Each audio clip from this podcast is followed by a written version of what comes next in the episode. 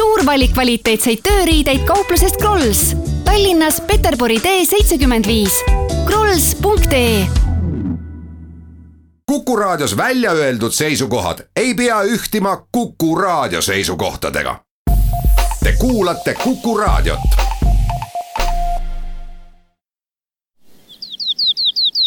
läbi Eesti. rändureid varustab Makasport tere, head kuulajad, Kuku raadio suvesaade Läbi Eesti alustab aastal kaks tuhat kaheksateist, aastal, kui meie vabariik tähistab oma sajandat sünnipäeva. ja sellest tulenevalt on ka Läbi Eesti saadete, sellesuviste saadete fookuses asjad, inimesed, organisatsioonid, institutsioonid, hooned, kõikvõimalik Eesti Vabariigis, mis samuti koos vabariigiga tähistab sajandat sünnipäeva. ja üks nendest asutustest on tegelikult kahetsusväärselt vähe kõneldud, aga väga oluline tugiasutus, hoidmaks eh, Eesti Vabariigi valitsuse elu tegusana, see on Riigikantselei. ja ütlemata hea meel on sellest, et äh, saame avasaadet alustada just nimelt Riigikantselei hoonest, Stenbocki majast Toompealt ja riigisekretär Heiki Loot on meid vastu võtnud. tere, Heiki! tervist! kantselei on äh, seesugune asutus definitsiooni järgi, mis peaks siis toetama absoluutselt kõikvõimaliku tarviklisega, alates kustukummidest, lõpetades raamatupidamisega isikuid, organisatsioone, kelle juurde see kantselei on loodud. laias laastus kõlab see nii ka vist valitsuse puhul. jah, see on nüüd eh, selline elementaarne, mida kindlasti on vaja, et, et, et kõik töövahendid on valitsusele tagatud. märksa olulisem on muidugi see, et eh, meie ülesanne on eh, valitsuse tööd ka sisuliselt korraldada. valitsus teatavasti Eestis juhib koos Riigikoguga riiki ja omakorda valitsus koosneb ju, eks ju, erinevatest ministritest, valitsust juhib peaminister ja meie ülesanne on siis aidata sellele kaasa, et valitsus töötab äh, tervikuna, ühe meeskonnana ja aidata peaministrit siis seda meeskonda juhtida ja kõige selle juures te peate olema apoliitiline, ehkki valitsus on poliitiline organisatsioon, ta on Riigikogu poolt paika pandud ja Riigikogu omakorda on siis demokraatia korras paika pandud ju Eesti inimeste poolt. kuidas õnnestub ühtset meeskonda koos hoida, valitsuse tööd tagada nõndaviisi, et ta ei kaldu kusagile poolele, näiteks kui on tegemist kolmik-neliku koalitsiooniga? no meie ülesanne on, nii nagu riigiteenistusel laiemalt, on meie ülesanne tagada riigi järjepidevus, tagada ka valitsuse järjepidev töö, mis tähendab seda, et demokraatiast tulenevalt meil Riigikogu koosseisud, valitsuse koosseisud muutuvad, aga valitsus kui selline on ikkagi üks ja seesama. ta on institutsioon, tema liikmeskond lihtsalt vahetub aeg-ajalt ja meie ülesanne on just kindlustada seda, et, et valitsuse töö mm, oleks äh, hästi korraldatud, oleks järjepidev ja et kui valitsuse koosseisud vahetuvad, et siis me anname kõik see, et kuidas valitsused töötavad ja kuidas valitsuse töö käib, anname edasi ka siis uuele liikmeskonnale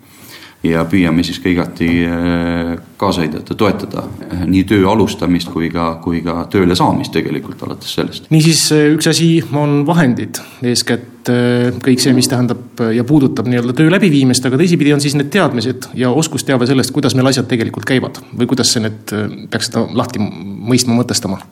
no eks meie töö hakkab juba tegelikult sellest, et kui uut valitsust moodustatakse, et siis meie kohustus on pakkuda oma professionaalset abi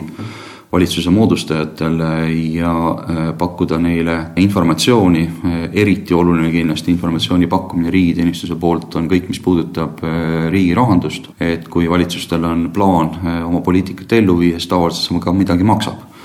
ja, ja siis tuleb teha neid arvutusi valitsuse moodustamisel on ka muid, muid asju ja muud informatsiooni, mida vaja riigiteenistuselt saada. ja, ja seda me püüame siis kõik juba valitsuse moodustajatele pakkuda, et just nimelt see kriitiline hetk, kui lepitakse kokku, milline hakkab olema siis moodustatava valitsuse poliitika, et ta on ikka töökindel ja teda on võimalik ka ellu viia ja, ja kindlasti on meie ülesanne ka veel valitsust eh, aidata ametisse sellega, et tuleb valitsuse ametisse saamiseks läbida terve hulk riigiõiguslikke protseduure. Nende korraldamine on meie teha ja kui valitsus on äh, ametisse astunud, siis peale seda meie ülesanne aidata valitsusel võimalikult kiiresti siis omandada kõik kogu need võtted ja kogu see informatsioon selleks, et võimalikult kiiresti siis hakata oma poliitikat ka ellu viima. nii et äh, alates sellest on meil, alates juba valitsuse moodustamisest, alates sellest hetkest hakkavad juba meie ülesanded pihta, et. nii et ma saan aru, põhimõtteliselt olete teie see pidur, kes võibki pidurit peale tõmmata olukorrale, kui näiteks tuleb uus valitsus, ütleb, et me tõstame pensionäride pensioni rauti tuhande euroni. no küsimus on ka see, et kui palju on valimistel ju äh, milliseid lubadusi on antud ja, ja milliste valimislubaduste tegemiseks on olemas mandaat. ja teine on oluline see, et peetakse koalitsiooniläbirääkimisi ja seal omakorda Eestis on koalitsioonivalitsused, mitu partnerit räägivad läbi ja lepivad kokku, mis on see poliitika, mida nad ühiselt saavad äh, läbi äh, äh, või ellu viia meie ülesanne on loomulikult anda siis nõu, et, et mis on teostatav, mis mitte, aga nagu te teate, et eks ju, läbirääkimised on läbirääkimised ja nõuandmine on nõuandmine, et ja Riigikantselei juht on siis riigisekretär. milline on täpselt nüüd riigisekretäri ülesanne, töö ja funktsioon, riigisekretär on ka sõnaõiguslik liige Vabariigi Valitsuse istungitel no minu ülesanne on äh, korraldada valitsuse tööd, mis tähendab seda, et, et valitsuse otsused vajavad ettevalmistamist. Äh, kõige esimene, kõige olulisem on see, et, et mille alusel või on, ütleme, kaks allikat, et kuidas valitsuse otsused sünnivad. esimene on see muidugi valitsuse poliitiline äh, programm on ta siis koalitsioonilepingu nime all või on ta siis valitsusliidu programm, mis iganes nime all ta on, aga see on siis äh, nende erakondade vaheline kokkulepe, kes siis valitsust moodustavad. ja, ja see on nüüd vast nüüd üks kõige noh, nii-öelda poliitil-, poliitilises mõttes on see oluline kokkulepe, aga see nõuab ka tegelikult riiklikku ja ametlikku keelde tõlkimist ja selle tõlketöö äh, korraldamine ongi Riigikantselei koostöös ministeeriumidega üks oluline ülesanne, kohe kui valitsus hakkab äh, oma tööd tegema. see tähendab seda, et me koostame valitsuse tegevusprogrammi, ühelt poolt me võtame siis need kõik need lubadused, mis on siis kokku lepitud või need kokkulepped seal valitsuse koalitsioonileppes ja, ja me siis koostöös ministeeriumidega määrame siis täpselt ära, et mis selle jaoks tuleb teha. milliseid eelnõusid välja töötada, kas kuskil on vaja teha mingeid organisatsioonilisi muutusi, töötada välja mõni poliitika või poliitikat määrav dokument, on ta siis arengukava nime all või on ta tegevuskava või mingi muu asi, eks, kuidas raha ja milliseid rahalisi otsuseid on vaja teha. et kõik see eh, tõlketöö ja kes milliseks ajaks, milline ministeerium milliseks ajaks, kellega koostöös seda teeb. et selline niisugune tõlketöö, et poliitiline programm selliseks riiklikuks valitsust ja ministeeriumit siduvaks eh, dokumendiks teha see on siis meie üks nii-öelda nagu oluline ülesanne ja seal need põhilised rööpad ka paika pannakse, et mida siis valitsus hakkab tegema. teine allikas on muidugi see, et, et elu ise toodab meile probleeme ja, ja toodab pidevalt ja, ja see teadmine, et, et mida ühes või teises valdkonnas teha on vaja, kõige parem on olemas meil ministeeriumides. ja, ja et, et kui selle poliitilise programmi tõlkimine toimub Riigikantselei juhtimisel koostöös ministeeriumidel äh,, ministeeriumidega, siis selle elluviimine kahtlemata kõik see, mis on seal ette nähtud, et kes millise eelnõu peab välja töötama, on ministeeriumide töö meie ülesanne on seda muidugi nõuda. see tähendab seda, et, et need ettepanekud, mis valitsuse lauale jõuavad, töötatakse välja ministeeriumides. meie ülesanne on hoolitseda selle eest, et nad jõuavad ka valitsuse otsuste kujule, on ta siis valitsuse istungite läbi või valitsuse kabineti nõupidamiste läbi. sõltub sellest, kas on vaja teha ametlikke otsuseid või piisab mitteametlikest otsustest, põhimõttelistest otsustest.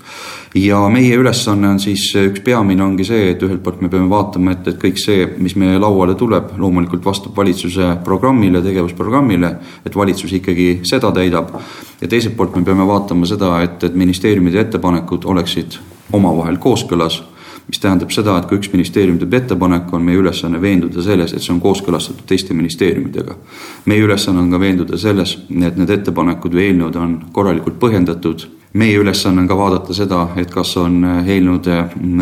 puhul täidetud kaasamise nõudeid. Me peame vaatama ka seda, kas on ka mõjud hinnatud, eks ju, et me oleme mõnes mõttes ka sellise väravavahi äh, rollis, et me peame tagama ka teatud nii ettepanekute kvaliteedi ja kui seda ei ole tehtud, siis meie ülesanne on nõuda, et seda eelnõud tuleb kooskõlastada veel mõne ministeeriumide mõne ministeeriumiga või äh, tuleb siis seal eelnõus teha parandusi. meie ülesanne on tagada ka valitsuse otsuste õiguspärasus muuhulgas, et mis tähendab ka seda, et me peame olema ka, ka juriidiliselt kompetentsed.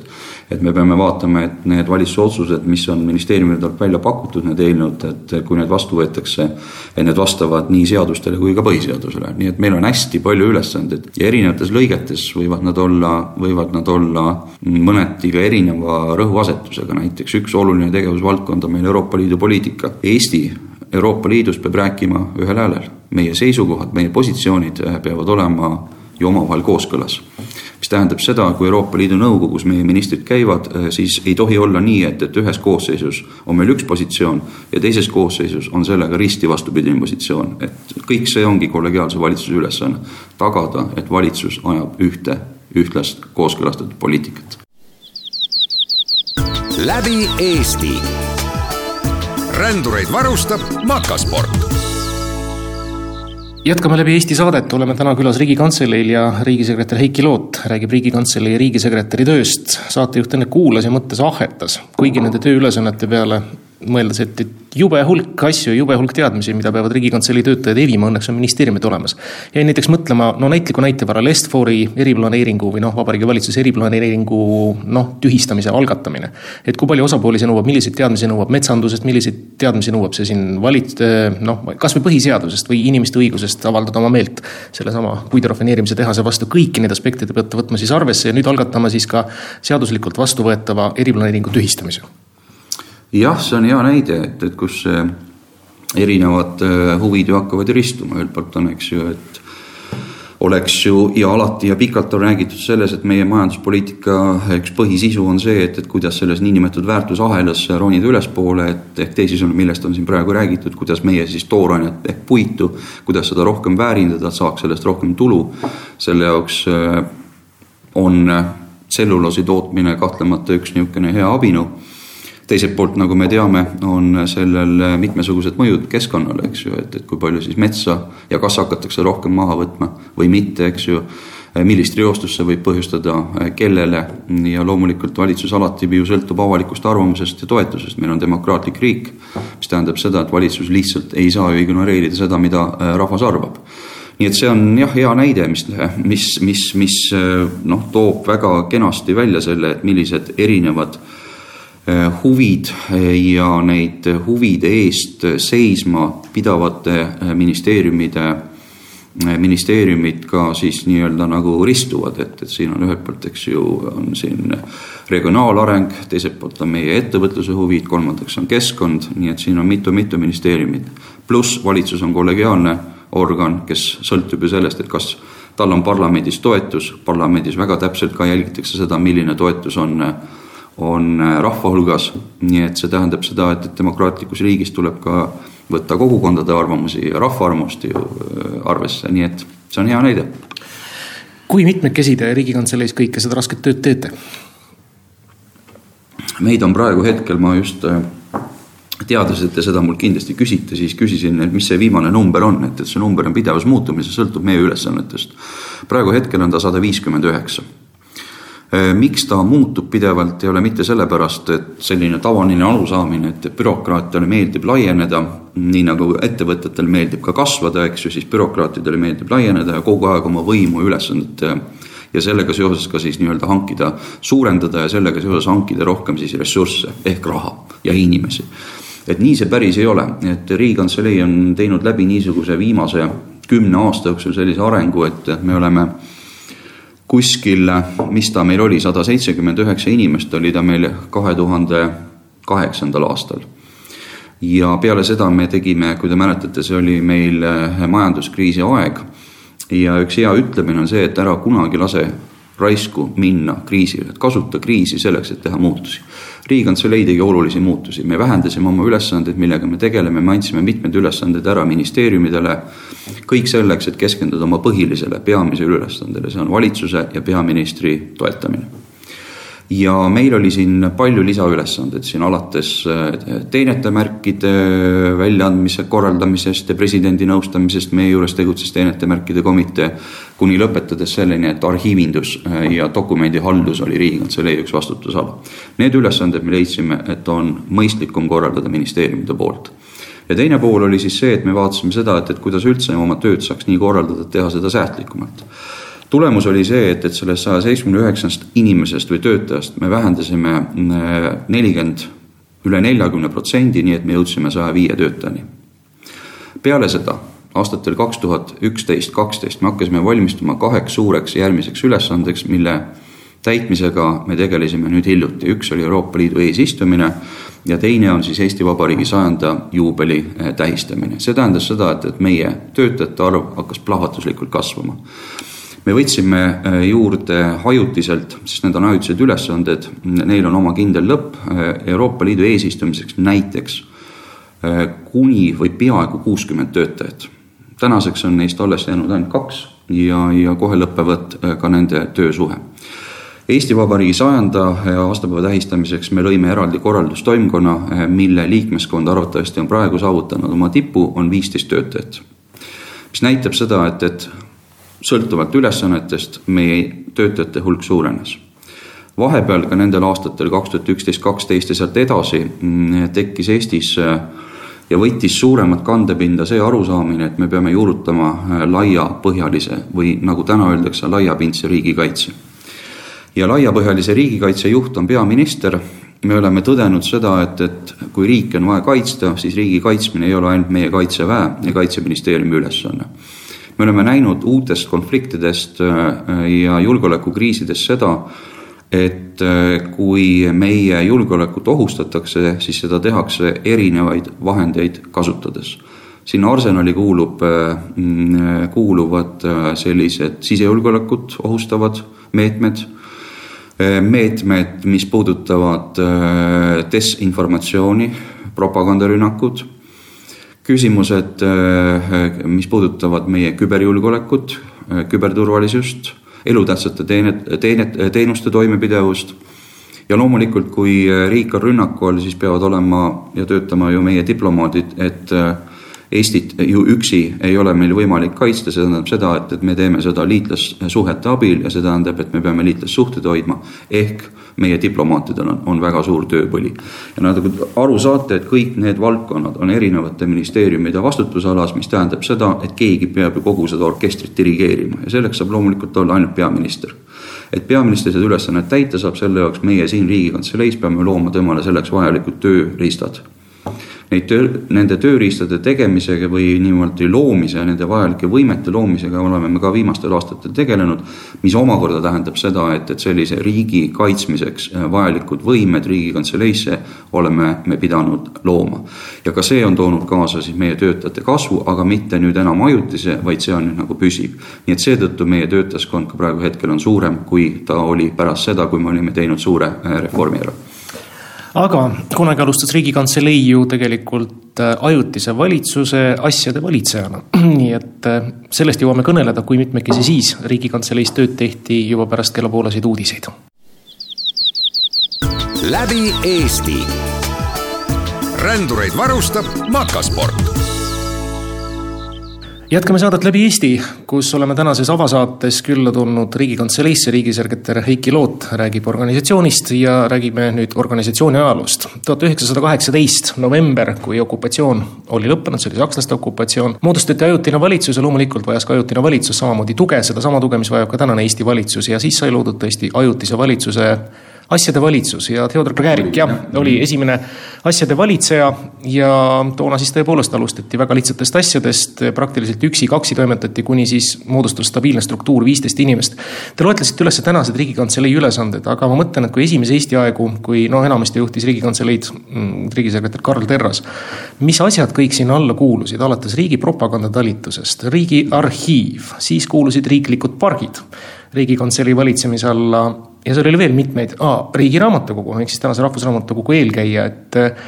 olete ajalugu vaadanud teinekord, et äh, kas on nii-öelda ülesanded ajas ikka väga palju muutuvad olnud? Te olete väga head ettevalmistustööd teinud, et äh, minu siiras kompliment. tõesti, et kui ju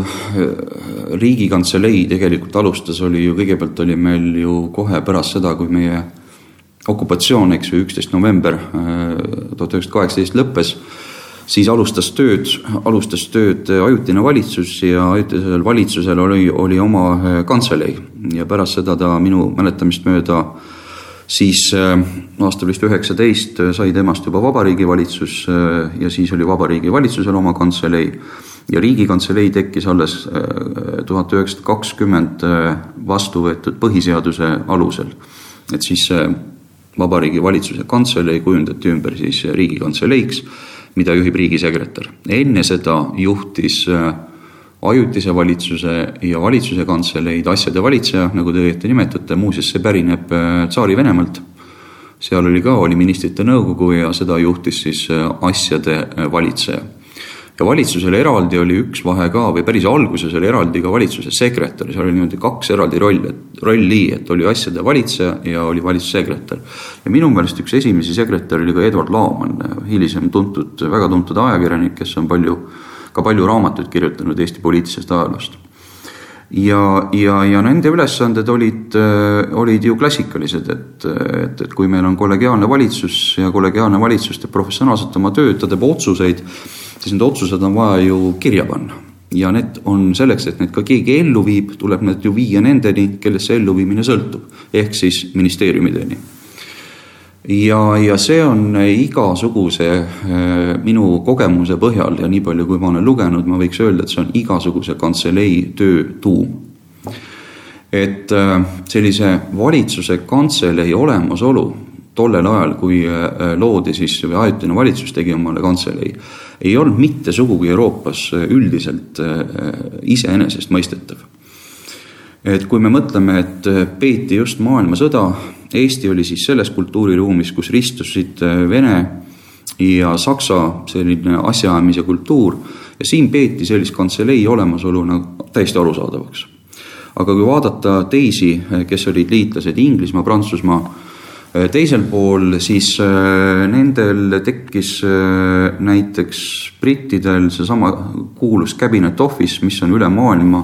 meie sarnaste organisatsioonide eeskuju, tekkiski minu mäletamist mööda alles aastal tuhat üheksasada kuusteist ja selle tingis Esimese maailmasõda vajadus. ehk nii-öelda moodne sõjapidamine nõudis efektiivsemat riigihaldust ja riigi valitsemist. Enne seda Briti valitsus oli käinud koos, see oli nagu džentelmenide klubi, seal ei olnud ei päevakorda, seal ei olnud ei protokolli ehk otsuseid kirja ei pandud, see oli džentelmenide vaheline kokkulepe ja ei olnud ka sekretäri, polnud vaja kedagi aga saadi aru, et, džentelmenide vahelisest kokkulepetest ei piisa, sest see, mis on kokku lepitud, ei pruugi jõuda elluviimiseni või kui seda ellu hakatakse viima, siis džentelmenid aeg-ajalt saavad erinevalt aru sellest, mida kokku lepiti. Ja selleks, et panna see riigiaparaat professionaalselt tööle sõjaaja vajadustele, siis selle jaoks britid näiteks oma cabinet office'i siis lõiki aga Eestis oli see huvitav nii, et, et meie kultuuriruumis peeti seda juba iseenesestmõistetavaks. et nii kui Eesti valitsus alustas, oli kohe aru saada, et peab olema sekretär valitsusel ja peab olema kantselei ja ikka selleks, et otsused saaksid kirja pandud ja ministeeriumidele teatavaks tehtud, et see tuleb ellu viia. ja sealt edasi, et, et kui sellist öö, äh, otsuseid juba kirja pannakse, hakkavad arenema sealt välja ka muud ülesanded, et siis on ju mõistlik see, et öö, äh, kui eh, need otsused pärast peavad olema kirja pandud, siis on mõistlik nad juba ette, ette valmistada, enne ette valmistada, et mis siis, tuleme küll kokku, arutame, aga vähemalt mingi projekt võiks olla laua peal. et kui ka parlament arutab seadust, siis no ei hakata sealt otsast peale kirjutama, vaid ikkagi kõigepealt on eelnõu aluseks ja siis arutatakse seda samamoodi valitsusega ka, et, et mõistlik on, et mingi projekt on aluseks ja siis selle üle toimub arutelu ja lõpuks siis tehakse otsus, vastavalt ka siis seda projekti korrigeeritakse, mis omakorda toob selleni, et, et on ka mõistlik, et kui need juba ette valmistatakse, järelikult hakkab kujunema juba enne päevakord. Järelikult tuleb ka päevakorda juba ette, hakata ette valmistama. ja siit tulebki see asi, et, et kui on vaja lõpuks, eks ju, fikseeritud otsuseid, selle vormiks on protokoll siis sellele eelnevalt tuleb ette valmistada eelnõud, sellega seotud neid eelnõusid tuleks põhjendada, ehk tekib see niinimetatud materjal ja see omakorda tähendab ju eelnevalt päevakorra kokkupanemist, nii et päevakord, materjalid ja protokoll, see on see põhiline tuum. ja seda tollal tehti ka täpselt samamoodi aga nagu te ütlete, eks ju, et, et aeg-ajalt tundub, et on, on olemas mingeid muid institutsioone ka, mis võiksid olla siis valitsuse mm, nagu keskel ja mis pakuvad siis teenuseid kõikidele eh, ministeeriumidele, valitsusasutustele. ja noh, tõenäoliselt tollal see loogika oli ka siis see, et, et selle jaoks on vaja, et, et riiki valitseda, on vaja ju andmeid ja, ja see oli siis põhjus, miks Riigi Statistika Keskbüroo leiti, et võiks olla Riigikantselei juures on vaja ka muud informatsiooni, et, et on vaja ju tutvuda sellega, et, et oli ju noor riik ja, ja polnud ju seda teadmist kõige rohkem, et kuidas seda riiki valitseda, ehk on vaja ka siis neid raamatuid ja muid siis nii-öelda informatsioonikandjaid ja selle jaoks moodustati siis Riigi Raamatukogu millest, nagu te õieti ütlete, sai pärast või tänaseks on saanud Eesti Rahvusraamatukogu. ta ei paku teenuseid, raamatuid või infot, eks ju, ainult äh, ministeeriumidele ja valitsusele, vaid ta ülesanded on nii palju muutunud, ta pakub teenuseid kogu ühiskonnale tänapäeval, eks statistikabürooga samamoodi, sellest on saanud Statistikaamet, kes pakub mitte ainult informatsiooni valitsusele valitsemiseks, vaid ka kogu ühiskonnale, näiteks ka teadlastele selleks, et analüüsida seda, et, et mis Eesti ühiskonnas toimub ja kolmas oli Riigiarhiiv, et kõik äh, see dokumentatsioon, mis tekib, et seda leiti, et on mõistlik hoida ühes kohas ja, ja, ja, ja siis oli see niisugune vahearhiiv, et enne kui ta antakse üle ajalooarhiivile, siis riik hoiab seda üks paarkümmend aastat iseenda käes, et, et aga noh, selle loomiseni ja sellega väga kaugele jõutud. nii et need olid need niisugused asjad, mis kohe leiti, et siia Riigikantselei juurde peaks panema huvitav on see, et, et Soomes ja mõneti ka Lätis oli see areng üsna sarnane, tundub, et siin regioonis mõeldi samamoodi, et just sellised asjad peaksid olema valitsuse keskel. Aga siis pärast hiljem äh, tekkisid siit ka muud ülesanded, et kui rääkida nendest pastakatest ja kustukummidest, siis üks osa ju valitsus peab ka kuskil ko äh, koos käima, tal peab olema mingisugune hoone, kus ta ju nii-öelda koos käib. Ja, ja see on ka Riigikantselei ülesanne, hoolitseda, et selline hoone on olemas, täna on see Stenbocki maja, eks, kunagi oli ta siis äh, Toompea lossis, asus valitsus aga kui Eesti muutis oma põhiseadust, see oli kolmekümne kolmandal aastal, siis kolmekümne neljandal aastal alustas ju tööd meil Äh, ju riigivanem ja valitsus ehk riigivanem lahutati valitsusest, riigivanem äh, pidi olema otse valitav. tekkis selline poolpresidentaalne riik. Selle rakendamiseni päriselt ei jõutud, seal oli ju kaitseseisukord, mida pidevalt pikendati. aga siis tollane peaminister siis oli see, kes täitis riigivanema ülesanded ja riigikantselei ülesanded ja asend muutus siis selle põhiseaduse muudatustega niimoodi, et riigikantselei oli riigivanema juures aga ühtlasi ka toetas valitsuse tööd. Ja, ja siis tekkis küsimus ja vajadus, et riigivanemal on vaja residentsi leiti, et riigivanem võiks olla siis Kadrioru lossis ja siis Riigikantselei üheks ülesandeks sai siis selle Kadrioru lossi kujundamine riigivanema äh, residentsiks. ja sealt edasi kasvas edasi äh, töö, et kui me juba riigivanem meil seal Kadriorus on, et, et noh, siis loss on meil korras, aga siis tuleks ka lossi ümbrus ehk park korda teha. mis tähendas seda, et siis Riigikantselei sai endale ülesande tegeleda ka siis Kadrioru pargiga. tekkis Kadrioru pargi valitsus. siis selgus see, et neid parke on ju veel, mis on riigi käes ja mis vajavad korrastamist, näiteks oli üks oli Pühajärve ääres oli siis park ja, ja Toila park ja, ja võimalik, et neid oli veel ja siis pandi nad kokku ja leiti, et tuleb tegeleda riigiparkide valitsemisega. ja siis jõuti nii kaugele, et, et äh, aeg ja elu arenes edasi ja tekkis arusaamine, et, et riik peab tegelema ka looduskaitsega. ja siis tekkisid esimesed loodus või üldse esimene looduskaitse inspektor ja see tekkis ka riigiparkide valitsuse juurde, mis oli Riigikantselei juures ja sellest omakorda siis pärast hiljem ja sealt loetakse, et meie nii-öelda keskkonnakaitse ja looduskaitse on üldse sealt alguse saanud ja väga kaudselt loetakse seda ka meie Keskkonnaministeeriumi alguseks. nii et siin äh, mõnes mõttes avaldub ka selline Riigikantselei ülesanne, et, et või, või niisugune roll, et olla selliste uute valdkondade niisugune nagu inkubaator või, või taimelava. et siit arenes välja Keskkonnaministeerium pärast hiljem, näiteks üheksakümnendatel oli Riigikantselei taimelava päris mitmele institutsioon või, või, või ministeeriumile, näiteks siit tekkis piirivalve, siit tekkis kaitseministeerium. kunagine riigiminister oli ühtlasi ka kaitseministri kohuseid täitis, nii et Riigikantseleil on mõnes mõttes olla ka selline nagu selline uute funktsioonide niisugune häll, millest arenevad välja siis järgmised, järgmised institutsioonid nii et kõik selline noh, ütleme selline, sellised mõttekäigud tekitavad siis selliseid äh, ka teisi institutsioone, mis on Riigikantselei juures. läbi Eesti. rändureid varustab Makasport. läbi Eesti saade jätkab, me oleme nüüd neljandaks veerandiks jõudnud Vabariigi Valitsuse istungite ruumi ja ikka riigisekretär Heiki Loodiga räägime Riigikantselei tegevustest. kõige lõpetuseks tahaks küsida, teie Riigikantselei sada viiskümmend töötajat jaotuvad siis mitmete büroode vahel, kuidas see struktuur teil täpselt välja näeb? meil on kümme struktuuriüksust, et meil on siin üheksa või vabandust, kaheksa sellist äh, üksust, mis on, mis on siis mehitatud inimestega, kes, kelle töö äh, kestus ei sõltu valitsuse koosseisu muutusest. Need on siin alates istungiosakond, kelle ülesanne on korraldada valitsuse istungeid, meil on õigusloomeosakond, kelle ülesanne on tagada valitsuse otsuste õiguspärasus meil on äh, Euroopa Liidu sekretäriaat, kes peab hea seisma selle eest, et valitsus räägib ühel häälel ja meie seisukohad on ühtsed, kui me äh, ministrid tegutsevad ja meie ametnikud tegutsevad Euroopa Liidu otsustusse kogudes, on ta siis kas Euroopa Liidu Nõukogu või midagi muud. meil on siin äh, valitsuse kommunikatsioonibüroo, kes peab hea seisma selle eest, et valitsuse otsustest ja poliitikast äh, saavad inimesed äh, teada äh, ja neid otsuseid tuleb ka selgitada, vahel tuleb ka neid otsuseid õigustada ja ka kaitsta. meil on julgeoleku ja riigikaitse koordinatsiooni büroo, kes siis, kelle ülesanne on siis korraldada valitsuse julgeolekukomisjoni tööd ja, ja, ja siis juhtida ja koordineerida laiapõhjalist riigikaitset ja meil on siis äh, veel äh, tippjuhtide äh, kompetentsikeskus, kelle ülesanne on siis avaliku teenistuse tippjuhte, keda on ligi sadakond riigis, alates siin ministeeriumide kantslerid ja, ja lõpetades ametite peadirektoritega, et tegeleda nende värbamise, valiku ja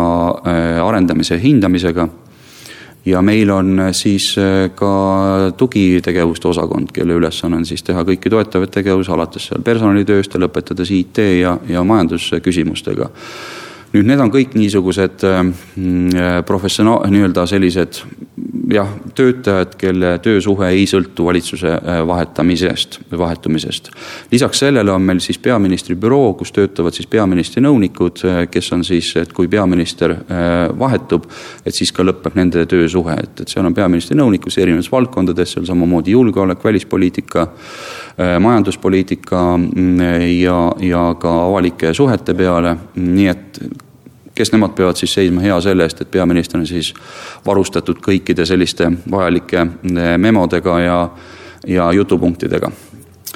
ja, ja peavad ka peaministri ajakava ja, ja aitavad peaministril kõnesid koostada ja avalikke pöördumisi ja siis on meil lisaks veel ajutiselt on meil eh, Eesti Vabariigi sajanda aastapäeva tähistamiseks korraldustoimkond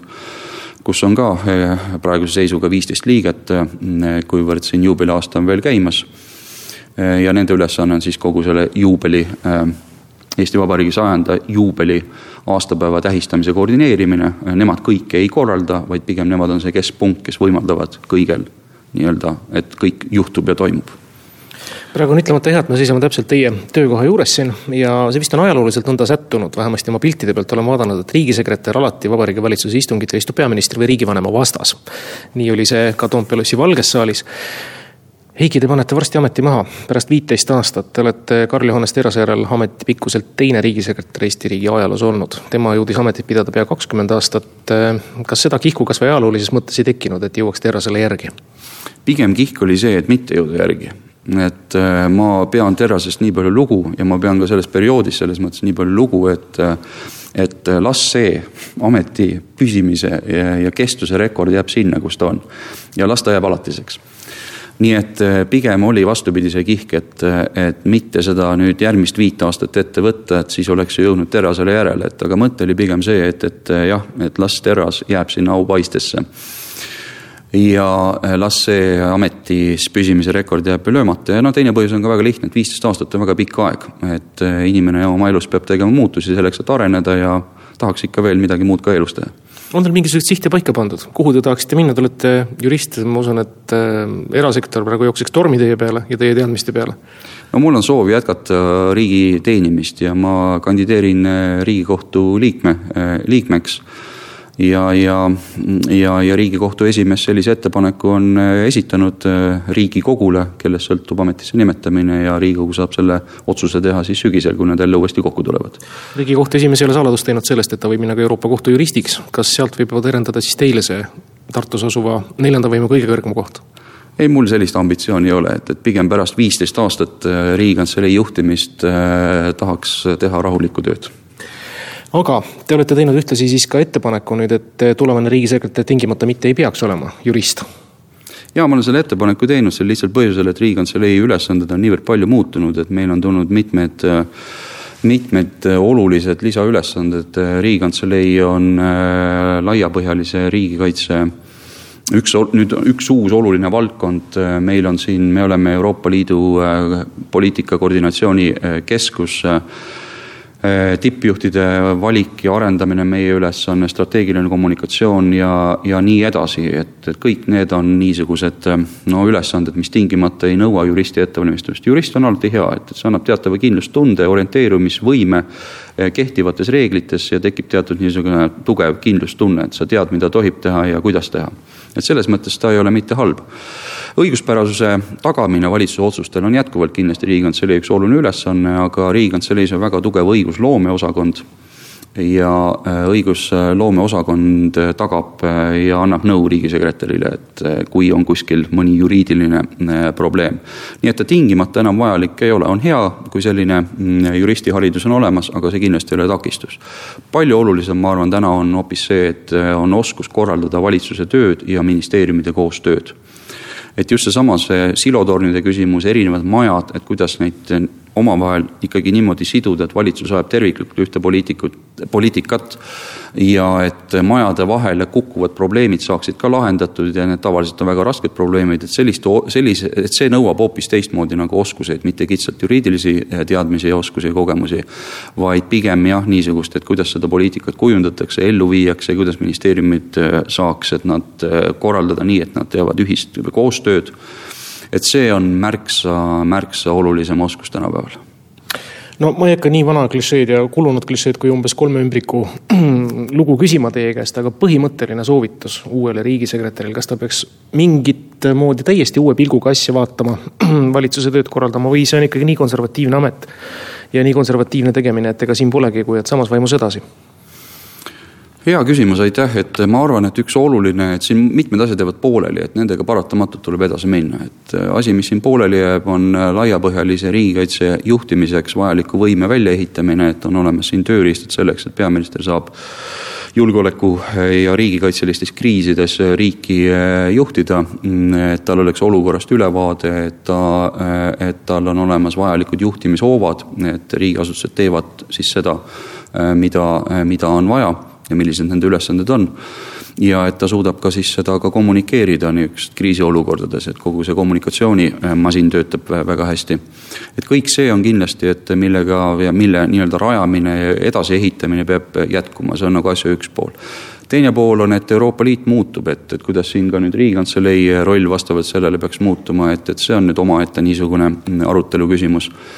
ja, ja aga ma arvan, et, et siit kindlasti on, ongi just hea, et, et kui pärast viisteist aastat tuleb keegi uus inimene, vaatab värske pilguga peale, et, et kuidas siin ühte või teist asja korraldada, et äh, mitmed asjad on, on, mida me äh, võib-olla oleme ka vaikselt juba alustanud, et aga ma loodan, et võib-olla siis ka antakse neile siis selline täitsa uus hingamine, nagu näiteks on meil on tänu tehnoloogia arengule tekkinud täiesti uued võimalused, kuidas saab kasutada andmeid ja informatsiooni riigi valitsemiseks, enam mitte toetuda sellisele tavapärasele statistikale, statistikaamet ka praegu arutab enda ümberkujundamist juba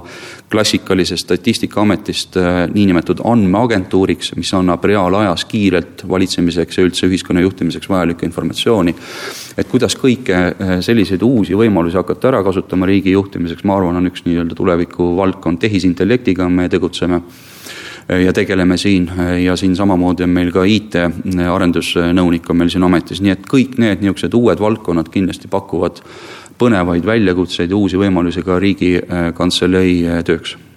väga tänan teid, Eiki Loot, selle toreda tunni eest siin Stenbocki majas, selle väga vahva jutuajamise eest ja loomulikult ka nende viieteist aasta eest selles väga tähtsas ametis. soovime teile edu, jõudu kõiges, mis te tulevikus ette võtate ja loomulikult ka palju edu Riigikantseleile. aitäh, et huvi tundsite. läbi Eesti rändureid varustab Makasport